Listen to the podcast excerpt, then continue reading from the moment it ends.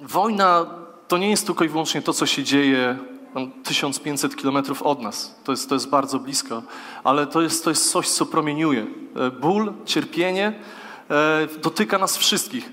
Ja jestem osobą, która raczej, która raczej nie jest taka, nie chcę powiedzieć empatyczna, ale raczej mam taki dystans do wielu rzeczy. E, staram się, staram, nie, może nie tyle staram, ale po prostu mam taki charakter, że mocno się nie angażuję w niektóre tematy. Ale w tej kwestii jest akurat taka sytuacja, że ja specjalnie staram siebie eksponować jakby na, na to, co się dzieje, po to, żeby, żeby po prostu nie tracić skupienia. Ten czas, który jest teraz, staram się maksymalnie, maksymalnie słuchać głosu Bożego, maksymalnie być odpowiedzią na to, co, co, co daje ten czas nam, aby móc po prostu być odpowiedzią dla tych ludzi, którzy są wkoło mnie. A wiem, że wiem, że nie chcę po prostu nad tym, co się dzieje, przejść do porządku dziennego. Nie chcę po prostu, nie chcę po prostu przejść i udawać, że życie toczy się dalej, tylko chcę po prostu, żeby to, co jest potrzebne, żeby było, było wykonywane moimi, moimi rękami. Wojna przyniosła nam koniec pokoju. To jest, to jest takie, takie straszne, że Byliśmy, tak na dobrą sprawę, od II wojny światowej w erze po prostu pokoju. Doświadczaliśmy globalizacji, która, która w, jakby we wszystkich sygnałach filozofów była receptą na pokój. Wierzono, że globalizacja, połączenie handlowe, różnego rodzaju łańcuchy dostaw, po prostu to, jak, jak wszystko podróżuje po ziemi, będzie dla nas pokojem, zagwarantuje ziemi pokój, że już nigdy nie będzie żadnej wielkiej wojny. Okazało się, że filozofowie no nie mieli, nie mieli racji. Nie mieli racji. I tak na dobrą sprawę w chwili obecnej to, co się dzieje, to nie jest tylko i wyłącznie atak, atak na Ukrainę. To, co się dzieje, jest po prostu falą, rozleje się w chwili obecnej po świecie. Bo to, co jednej, z jednej strony COVID troszeczkę naruszył, w chwili obecnej zaczyna już całkowicie, całkowicie, całkowicie pękać. I my wkraczamy, wkraczamy w wierze, jestem przekonany, w okres bardzo dużych przemian społecznych przemian globalnych, które będą nas dotykały jeszcze przez następne lata. Nawet jeżeli ta wojna się skończy, miejmy nadzieję, że jak najszybciej, to i tak będziemy tego doświadczali, doświadczali przez następne, następne, następne lata, bo nic już, nic już nie będzie tak, jak było. Globalizacja już nie wróci do tego poziomu, do którego jest. Przynajmniej prawdopodobnie za naszego życia, bo, bo jakby świat nie będzie na to gotowy. Każdy będzie już w tym momencie zupełnie inaczej patrzył na to, którędy i skąd płyną, płyną towary. Ale jeżeli chodzi o wojnę, e, jeżeli chodzi o wojnę, to wojnę toczymy na trzech poziomach, tak na dobrą sprawę.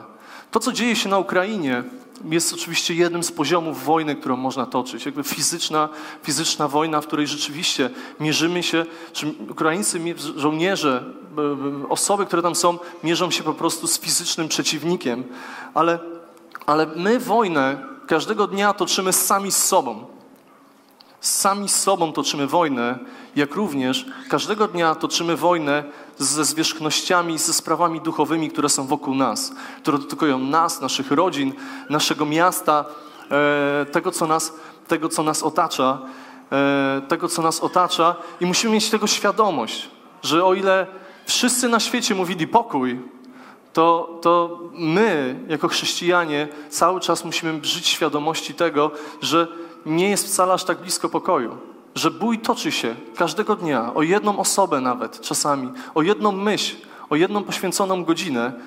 I to jest, i to jest okres, który w pewnym sensie dla nas jest takim błogosławionym e, przebudzeniem, bo w, tak na dobrą sprawę można powiedzieć, że, że to jest w pewnym sensie przebudzenie. Nie przebudzenie w takim rozumieniu chrześcijańskiej nowomowy, jak my mówimy, że ludzie się przebudzą, nagle wszyscy przyjdą, przyjdą do Chrystusa. Ja wierzę, że tak, że głód Boga zostanie pobudzony, pobudzony, pobudzony w sercach ludzi. Ale to, co jest niesamowite, to jest to, że przede wszystkim doświadczamy przebudzenia na poziomie myślenia tego konsumenckiego. Tego jest dobrze, jest pokój, dzień, jak stracę jeden dzień, drugi, trzeci dzień, to się nic nie stanie, a tymczasem okazuje się, ludzie przebudzają się, że tak na dobrą sprawę świat już nie jest i prawdopodobnie nie będzie taki sam. Przebudzenie już zaczyna dokonywać się w umysłach, jestem przekonany naszych, ale też ludzi wkoło nas, którzy uzmysławiają, uzmysławiają sobie, że nie jest, nie, jest, nie jest wcale aż tak kolorowo. Tutaj oczywiście e, część z nas urodziło się e, w czasach, w czasach sprzed 89 doświadczyło, doświadczyło czym, czym była, e, jak wyglądała wtedy Polska, jak wyglądały kolejki, e, ale duża część, tak na dobrą sprawę, to tak niedługo, tak? To są ludzie, którzy mają już 30 lat, którzy nigdy nie doświadczyli, nie wiedzą, co to znaczy życie bez internetu. To jest, to jest w ogóle po prostu zupełnie inna perspektywa. I przebudzenie też dotyka, dotyczy również ich w tym temacie. Fragment, wokół którego chciałbym dzisiaj, e, dzisiaj głosić, to jest Księga Powtórzonego Prawa, czyli Piąta Księga Mojżeszowa 20, od wersu pierwszego do dziewiątego. Wyobraźcie sobie, że w Starym Testamencie e, Bóg konkretnie opisał zasady, w jaki sposób Izrael powinien szykować się na wojnę. Czyli były po, po, prostu konkretnie zapisane. Jeszcze jak byli na pustyni, jak jeszcze chodzili, Bóg dał im prawo, jak mają iść na wojnę, jak mają się do niej szykować, jak mają, jak mają walczyć, jakie zasady mają się nimi, jakimi zasadami mają się kierować w tej wojnie. I te zasady są niesamowite, dlatego chciałbym, żebyśmy dzisiaj, dzisiaj to przeczytali. Gdy wyruszysz na wojnę przeciw swoim wrogom i zobaczysz konie i rydwany, wojsko liczniejsze od ciebie, to nie bój się, gdyż jest z tobą Pan Twój Bóg, ten, który cię wywiódł z ziemi egipskiej. A gdy będziecie przygotowywać się do bitwy, wystąpi kapłan i przemówi do wojska, powie: Słuchaj Izraelu, dziś wyruszycie do bitwy przeciw waszym wrogom. Nie bądźcie chwiejni, nie bójcie się, nie bądźcie przerażeni, ani nie drżyjcie przed nimi. Jest z wami Pan, wasz Bóg. On po waszej stronie będzie walczył z waszymi wrogami, aby wam dać zwycięstwo. Następnie przemówią do wojska przełożeni. Ten, kto zbudował nowy dom, a jeszcze go nie poświęcił, niech wraca z powrotem do domu, aby nie zginął w bitwie i nie poświęcał go ktoś, nie poświęcał go ktoś inny. Podobnie kto zasadził winnicę, a jeszcze z niej nie skorzystał, niech wraca z powrotem do domu, aby nie zginął w bitwie i nie korzystał z niej ktoś inny. Także ten, kto zaręczył się z kobietą, lecz jeszcze jej nie pojął, niech wraca z powrotem do domu, aby nie zginął w bitwie i jego wybranki nie pojął ktoś inny. Ponadto niech przełożeni przemówią do wojska tak. Kto się boi, komu brak odwagi, niech wraca z powrotem do domu. Niech nie odbiera odwagi swoim braciom, skoro sam jej nie ma. A gdy przełożeni zakończą swoje mowy, postawią na czele zastępów dowódców. Powiem wam, że pomimo tego, że e, ten fragment wydaje się, że jakby jest prawem, to tak na dobrą sprawę, tak, tak na dobrą sprawę tylko raz w Biblii raz w Biblii czytamy tak bezpośrednio o tym, że zostało to zastosowane. I był to e, w zasadzie dwa razy, ale najpierw powiem o pierwszym.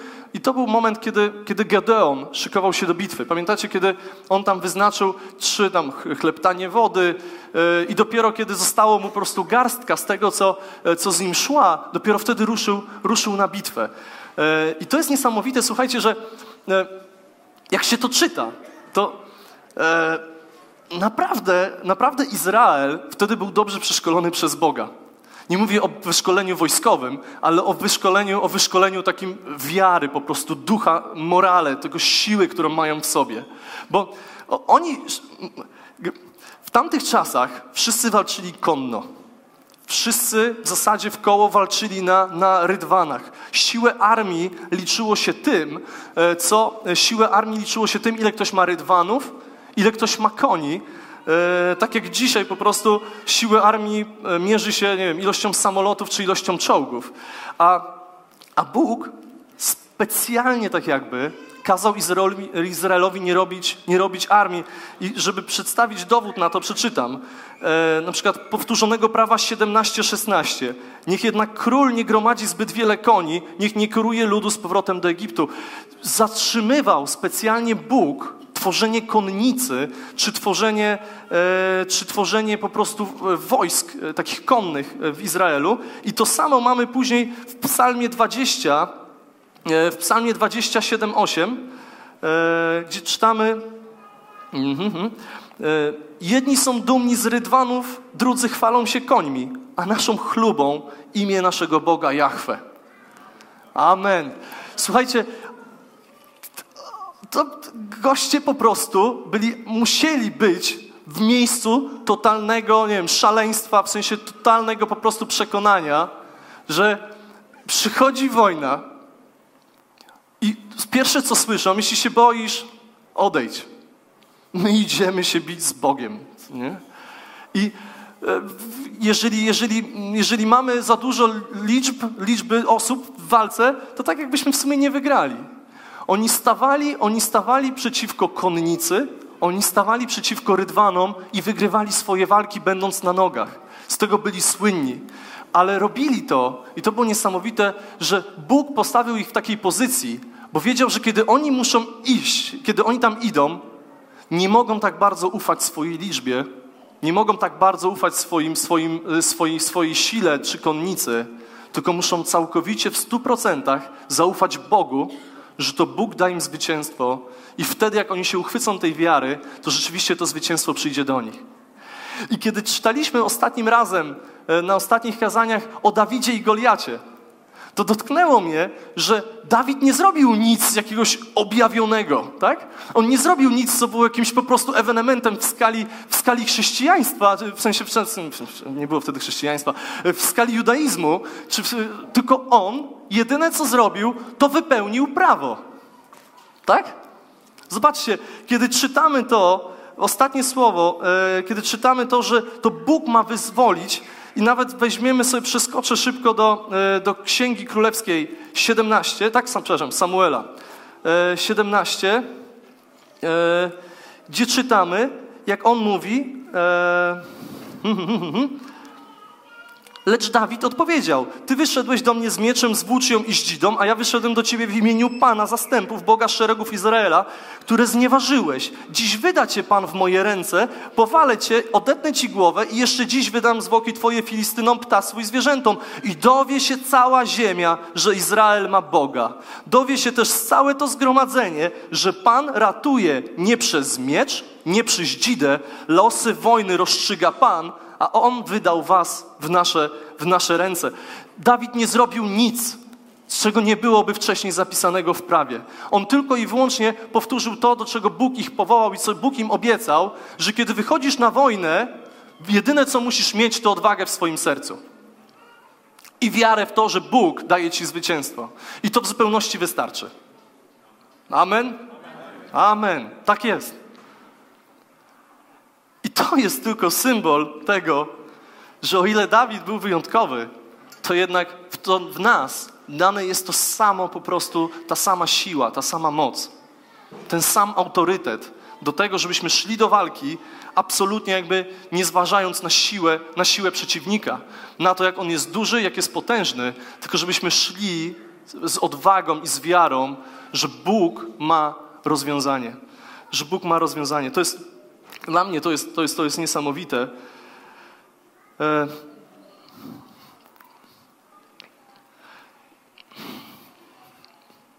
Izraelici, kiedy wychodzili, musieli być w miejscu całkowitej zależności. Jeżeli w niej nie byli, to tak na dobrą sprawę byli żegnani z, z, z ludźmi. Zachęcano ich, żeby nie robili rzeczy tylko i wyłącznie z jakiegoś poczucia obowiązku. Zachęcano ich, żeby po prostu wkładali w to, co robią, całe swoje serce, całą swoją wiarę i całe swoje przekonanie. To, co widzę w tym fragmencie, chciałbym, chciałbym sprowadzić do, do trzech punktów, które w jakimś stopniu podsumowywują e, te myśli, które z tego wychodzą. Pierwszym tym punktem jest słowo: trudne czasy zmieniają perspektywę. To jest niesamowite, że e, życie w czasie pokoju sprawia, że my mm, przywiązujemy wagę do rzeczy, które w czasie wojny absolutnie nie są potrzebne, tak? które nie są istotne. W czasach pokoju zastanawiamy się, jaki serial dzisiaj wieczorem oglądnę, co zjem.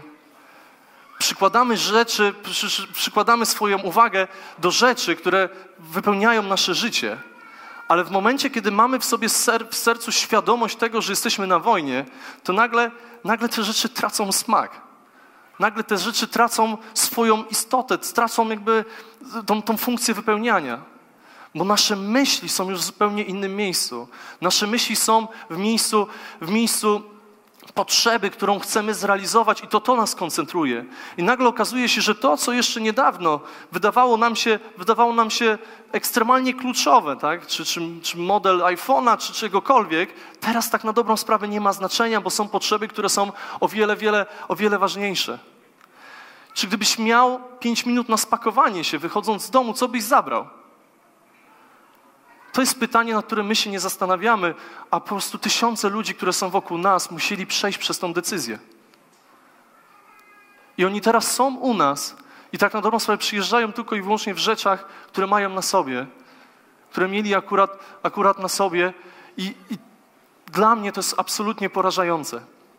Dla mnie to jest absolutnie konfrontujące, żebym uzmysłowił sobie, ile rzeczy w moim życiu po prostu jest nadbudowanych w koło, które tak na dobrą sprawę nie mają żadnej wartości, które tak na dobrą sprawę nie są w ogóle potrzebne.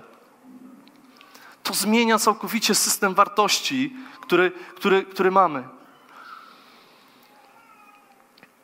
Wojna, ten okres e, trudny, wyciąga prawdę z tego, jakie my mamy korzenie wyciąga prawdę na temat tego, w czym my, w czym my pokładamy swoją ufność, w czym my pokładamy jakby swoją nadzieję na to, że, że będzie dobrze.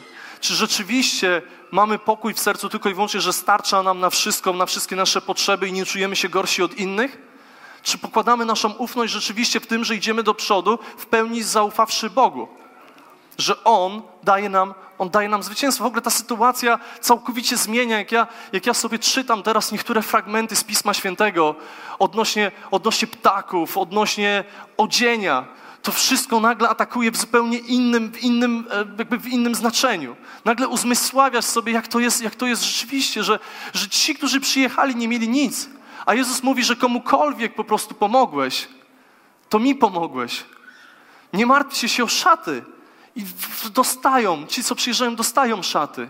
Nie martwcie się o to, co zjecie i ci, co przyjeżdżają, dostają to, co mają, co potrzebują do jedzenia. To jest niesamowite i to po prostu potwornie pokazuje nam, że fizyczna czy duchowa wojna tak na dobrą sprawę nie różni się tak dużo od siebie, że to jest cały czas podobna, podobna rzeczywistość. Karolina e, w tym tygodniu, w tym tygodniu odpowiedziała na, na, na prośbę e, na, na Facebooku, która się pojawiła, że jest, e, jest, są osoby, które przyjechały z Ukrainy, które chętnie by pomogły w jakichś pracach domowych, żeby, żeby po prostu zarobić jakieś pieniądze. I rzeczy, które normalnie robimy sami, Karolina postanowiła, że weźmiemy, zamówimy, poprosimy tę osobę o pomoc i w ten sposób im, im pomożemy. I przyjechały do nas, przyjechały do nas dwie, dwie Ukrainki, które absolutnie nie wyglądały na osoby, które na co dzień sprzątają, sprzątają swoje domy czy, czy myją okna. I pomogły nam w pracach domowych, e, pomogły nam w pracach domowych, ale to mi nie, dało, nie dawało spokoju i później, później podpytałem, o co chodzi. I dowiedziałem się, że jedna z tych osób była, była notariuszem, a druga z tych osób była prawnikiem na Ukrainie.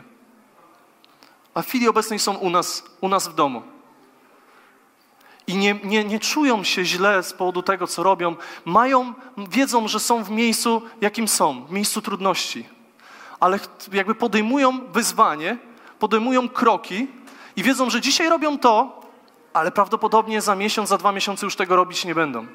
Traktują to jako rozwiązanie tymczasowe i robią. Nie przywiązują się do, do tego, jakie mają, jakie mają wykształcenie, jaki mają zawód, czy nawet w jakich warunkach żyją. Bo domyślam się, że prawdopodobnie na Ukrainie możliwe, że żyły w zupełnie lepszych warunkach niż, niż, niż my żyjemy dzisiaj u nas w domu, w którym one były.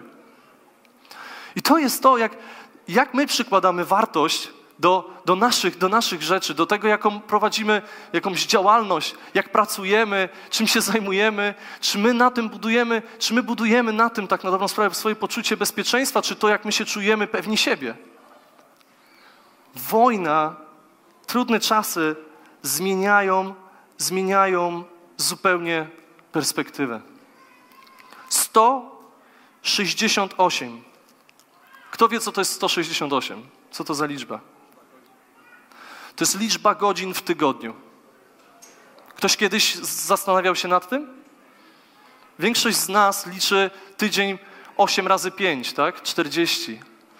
Może liczysz 16 godzin dziennie, bo tyle mniej więcej nie śpisz, a robisz coś w ciągu dnia.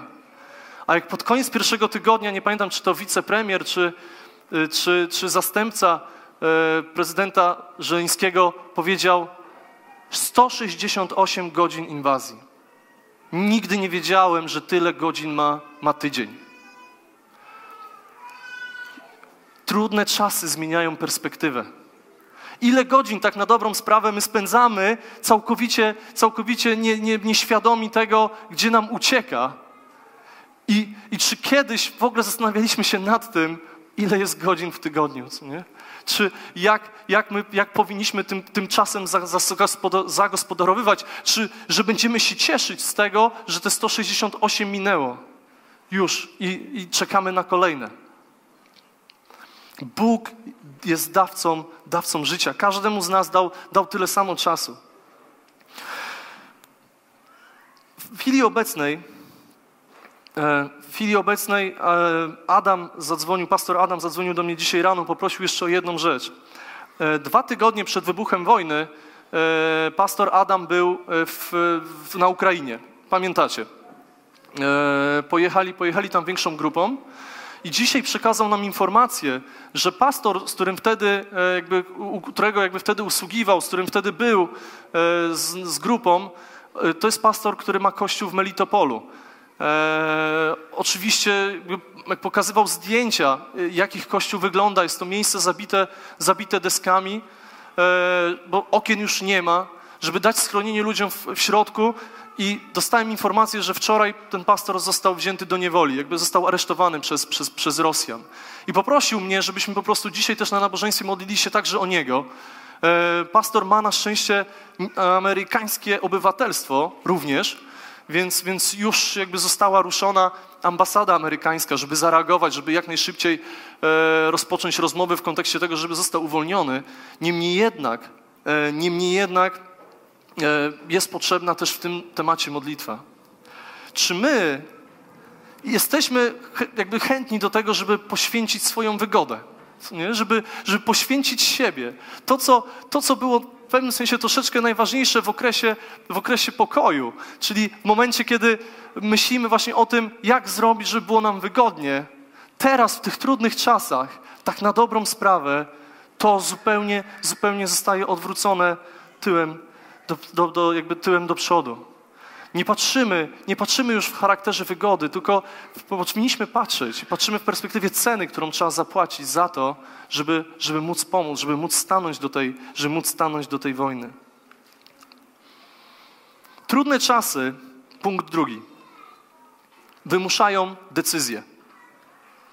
Czy tak na dobrą sprawę chcesz? Tutaj w 20 zaczyna się, gdy wyruszysz na wojnę, tak? To jest niesamowite, że dla mnie z tego fragmentu tak na dobrą sprawę bardzo mocno uderza, czy ty tak na dobrą sprawę chcesz walczyć. I tak na dobrą sprawę, kiedy to czytam, to widzę, że tak na dobrą sprawę Bogu wcale nie zależało na tym, że jeżeli ty nie masz czegoś w sercu, to że musisz to robić. Y, jak czytałem y, komentarze do tego fragmentu, to wyczytałem oczywiście, że ten fragment nie tyczył się wojen, które były zarządzone przez Boga. Czyli jak oni wchodzili do ziemi Kanaan, i musieli zdobyć tą ziemię, to ten fragment nie obowiązywał. W tamtych czasach, czyli to była wojna, którą nakazał im Bóg, którą muszą zrobić, wtedy musieli walczyć wszyscy. Ale w wojnach, które wynikały w międzyczasie, czyli ktoś ich zaatakował, gdzieś im tam ktoś zrobił, postanawiali gdzieś pójść i coś zrobić, wtedy ten fragment miał, miał, miał swoje zastosowanie. Niemniej jednak, ja odnoszę wrażenie, że tutaj nie ma sygnału, że ty coś musisz. Możesz, masz wolną wolę. Możesz sam świadomie podjąć decyzję. E, tak na dobrą sprawę w tym fragmencie jest więcej wymówek niż zachęt do tego, żeby pójść walczyć. Tak? Jedynymi zachętami jest to, że Bóg, e, gdyż jest z tobą Pan, twój Bóg, ten, który cię wywiódł z ziemi egipskiej. A później mamy, e, mamy tylko i wyłącznie pocieszenie, żeby się nie bać i informację, jeżeli się boisz, to spokojnie możesz odejść. Jeżeli masz jakieś sprawy wokół swojego domu, spokojnie możesz odejść. Decyzję zawsze podejmujesz sam. Ale jak już walczysz, to walczysz w drużynie. Walczysz z innymi. Ale najpierw musisz podjąć decyzję. Czy wejdziesz w te grona, w to grono i będziesz zarażał odwagą, jak Dawid? Czy wejdziesz w to grono i będziesz zarażał strachem? To, przed czym przestrzegał Bóg w tym miejscu. Bo możesz zarażać strachem nie tylko i wyłącznie przez to, że rzeczywiście się boisz, ale możesz poprzez po prostu same wewnętrzne wątpliwości. Same wewnętrzne, nie wiem, że poczucie, że robisz coś tylko i wyłącznie z poczucia obowiązku, albo wypada, albo nie. Ale zarażasz swoim klimatem osoby, które, których, z którymi pracujesz. Ja mam taką sytuację, e, żeby to źle nie zabrzmiało. E, stosowałem patriotyzm gospodarczy, zanim to było modne. Czyli nie tankowałem na określonych stacjach benzynowych, nie kupowałem określonych produktów e, wyprodukowanych w określonych krajach. Miałem takie wewnętrzne zasady. I jedną z tych zasad, które były moje wewnętrzne, które też jakby stosowałem, czy tam przekładałem na swoje dzieci, to na przykład, że nigdy nie będę kazał moim dzieciom uczyć się określonych języków. To jest słabość, ja wiem. E, I ale zawsze, kiedy to myślałem sobie, że po prostu, że nigdy, nigdy, to zawsze sobie myślałem, Boże, wiem, że Ty mi zagrasz na nosie z tego powodu, że ja to mówię.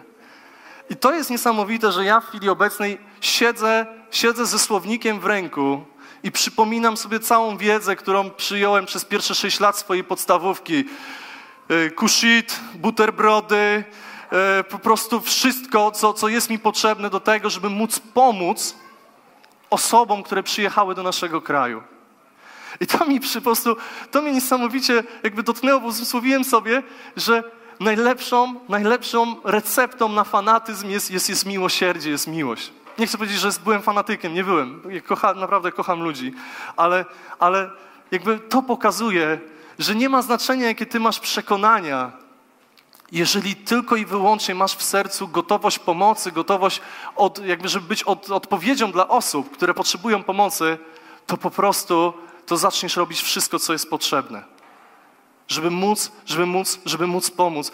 I to, to, to dla mnie po prostu jest niesamowite, ale widzę, że, e, że ciężko jest troszeczkę z rodziną naszą, w sensie nam dorosłym, jest o wiele łatwiej, jest o wiele łatwiej podjąć świadomą decyzję, że wychodzimy ze swojego punktu komfortu, żeby być odpowiedzią. Troszkę inaczej jest z dziećmi. My już to obserwujemy, że, że y, dzieci mają zupełnie jakby inny poziom komfortu.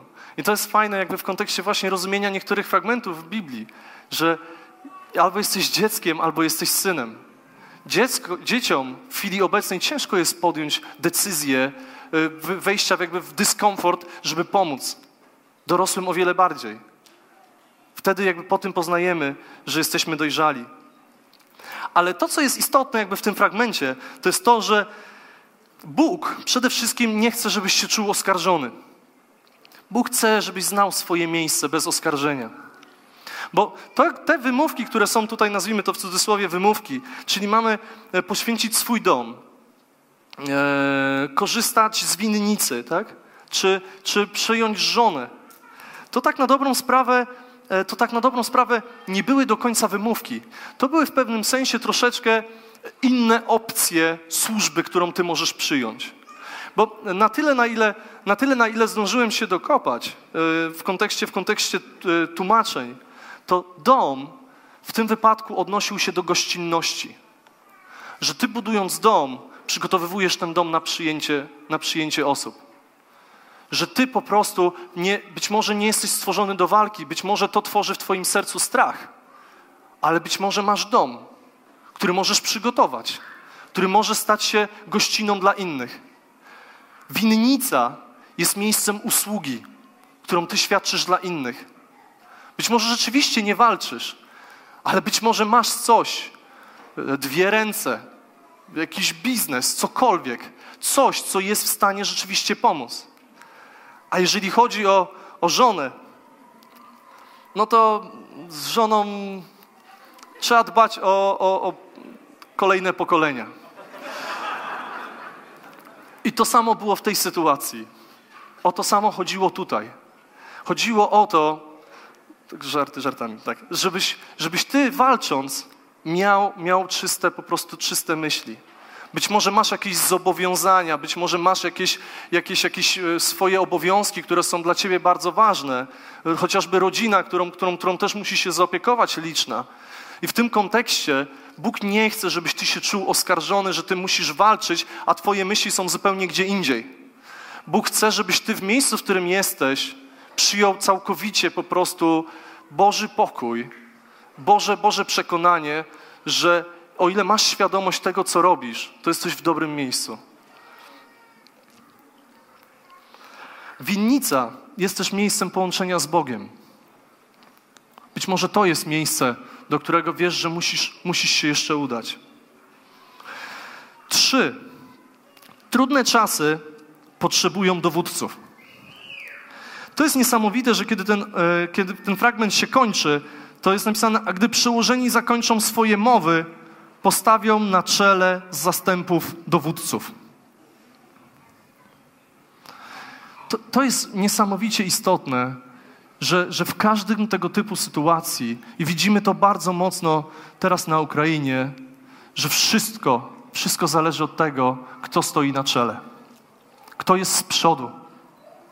I możemy mówić różnego rodzaju rzeczy, możemy robić, mówić różnego rodzaju zachęty, ale jeżeli na czele oddziałów nie staną osoby, które po prostu w stu procentach wierzą w to, co mówią, które nie, w stu procentach nie wierzą jakby w to, że Bóg ich poprowadzi, dając w tym momencie przykład, że stoją na czele, to, to po prostu to, to nie zadziała. Normalnie na wojnie było tak, że ci najmłodsi, czy rezerwiści, czy poborowi są wysyłani z przodu. Oni są wysyłani na przedzie. Jak przeżyje, to dostanie awans, później będzie już lepiej. Tutaj dowódcy idą na przedzie. I to jest to też, jakby co wierzę, że ten fragment jakby nas zachęca do tego. Bo bycie przykładem jest, jest, jest jakby trudne, wymaga przyjęcia odpowiedzialności.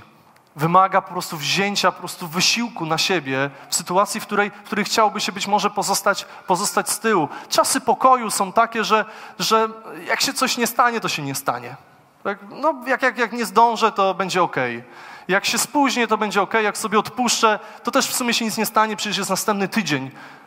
A my tutaj rozmawiamy o, o kolejnej godzinie, o kolejnych godzinach, które mijają i mijają i mijają już bezpowrotnie, w których coś, coś może się wydarzyć. O wiele trudniej w czasach wojny jest po prostu być internetowym specjalistą, tak? schować się za swoim komputerem i po prostu wypisywać rzeczy. Bo w chwili obecnej takich ludzi się już nie słucha. Bo tych ludzi, którzy, których się słucha, to są ludzie, którzy są na, na, na dworcu. To są ludzie, którzy są w punktach zbiórki.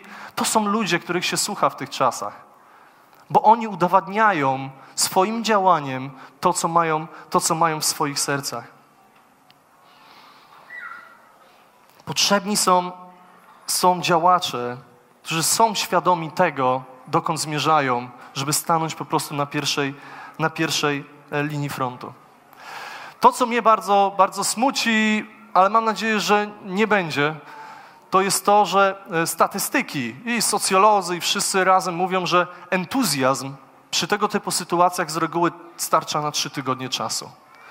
Tyle, tyle mniej więcej jest w stanie wy, wyciągnąć z siebie normalna osoba do tego, żeby, żeby zaprzęgnąć się do roboty, do pomocy i coś zacząć robić.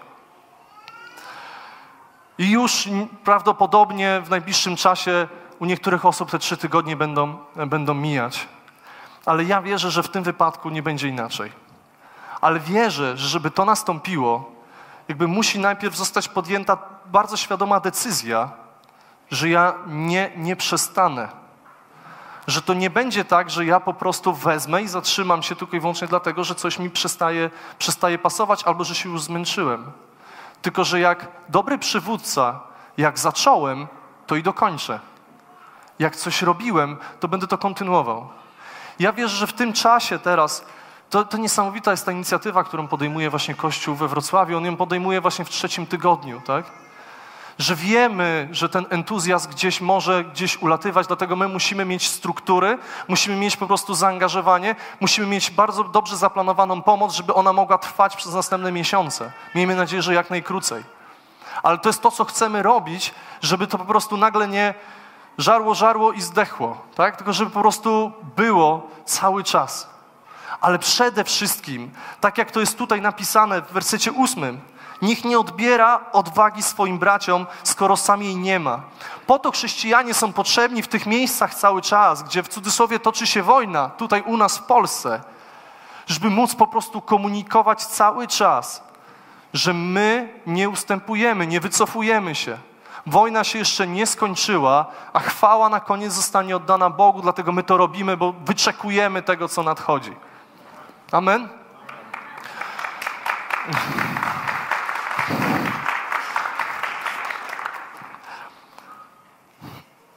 Poprosiłbym Krzysia.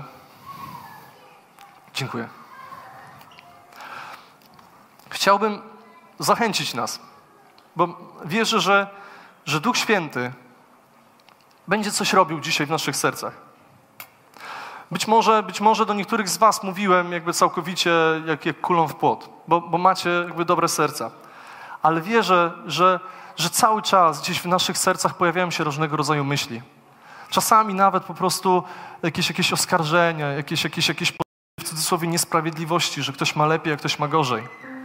Wiesz, że my jako chrześcijanie musimy wydać ten dźwięk, który, który jest potrzebny wszystkim w koło, całemu społeczeństwu.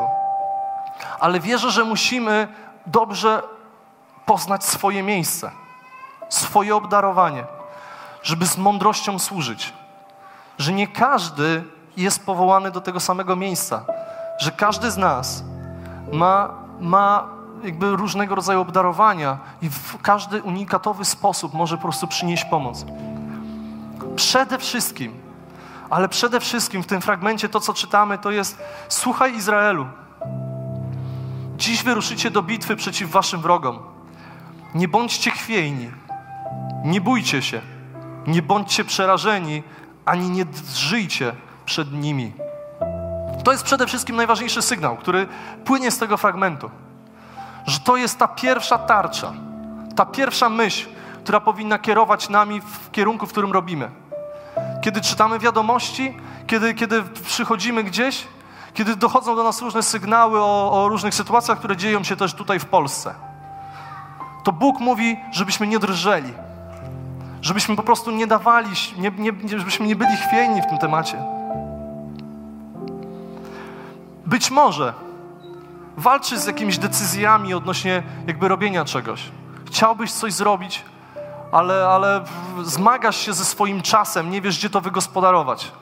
Być może po prostu e, siedzisz i, i, boisz, się, boisz się kogoś zaprosić, komuś pomóc. Ja wierzę, że naprawdę e, to, nie chcę powiedzieć, że błogosławieństwo, ale e, tym tygodniu Karolina e, zaproponowała i w, jakby w naszej firmie, w kościelnej, w BBG była propozycja, żeby zrobić kanapki. Karolina zaczęła jeździć po warzywniakach. I okazało się, że co drugi warzywniak sprzedawał pomidory za jedną trzecią ceny, jak dowiadywał się, że, że to jest na kanapki dla uchodźców. Rzodkiewki za, za przysłowiową złotówkę, sałaty.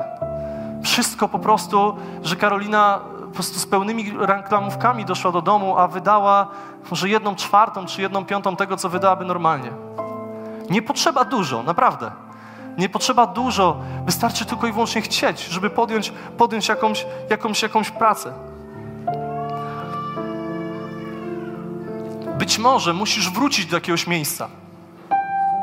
Być może gdzieś potrzebujesz wrócić do jakiegoś takiego miejsca swojego domu, do miejsca swojego odpoczynku, do miejsca swoich początków, do miejsca jakiegoś takiego ognia, które było kiedyś, a gdzieś, gdzieś ci go brakuje.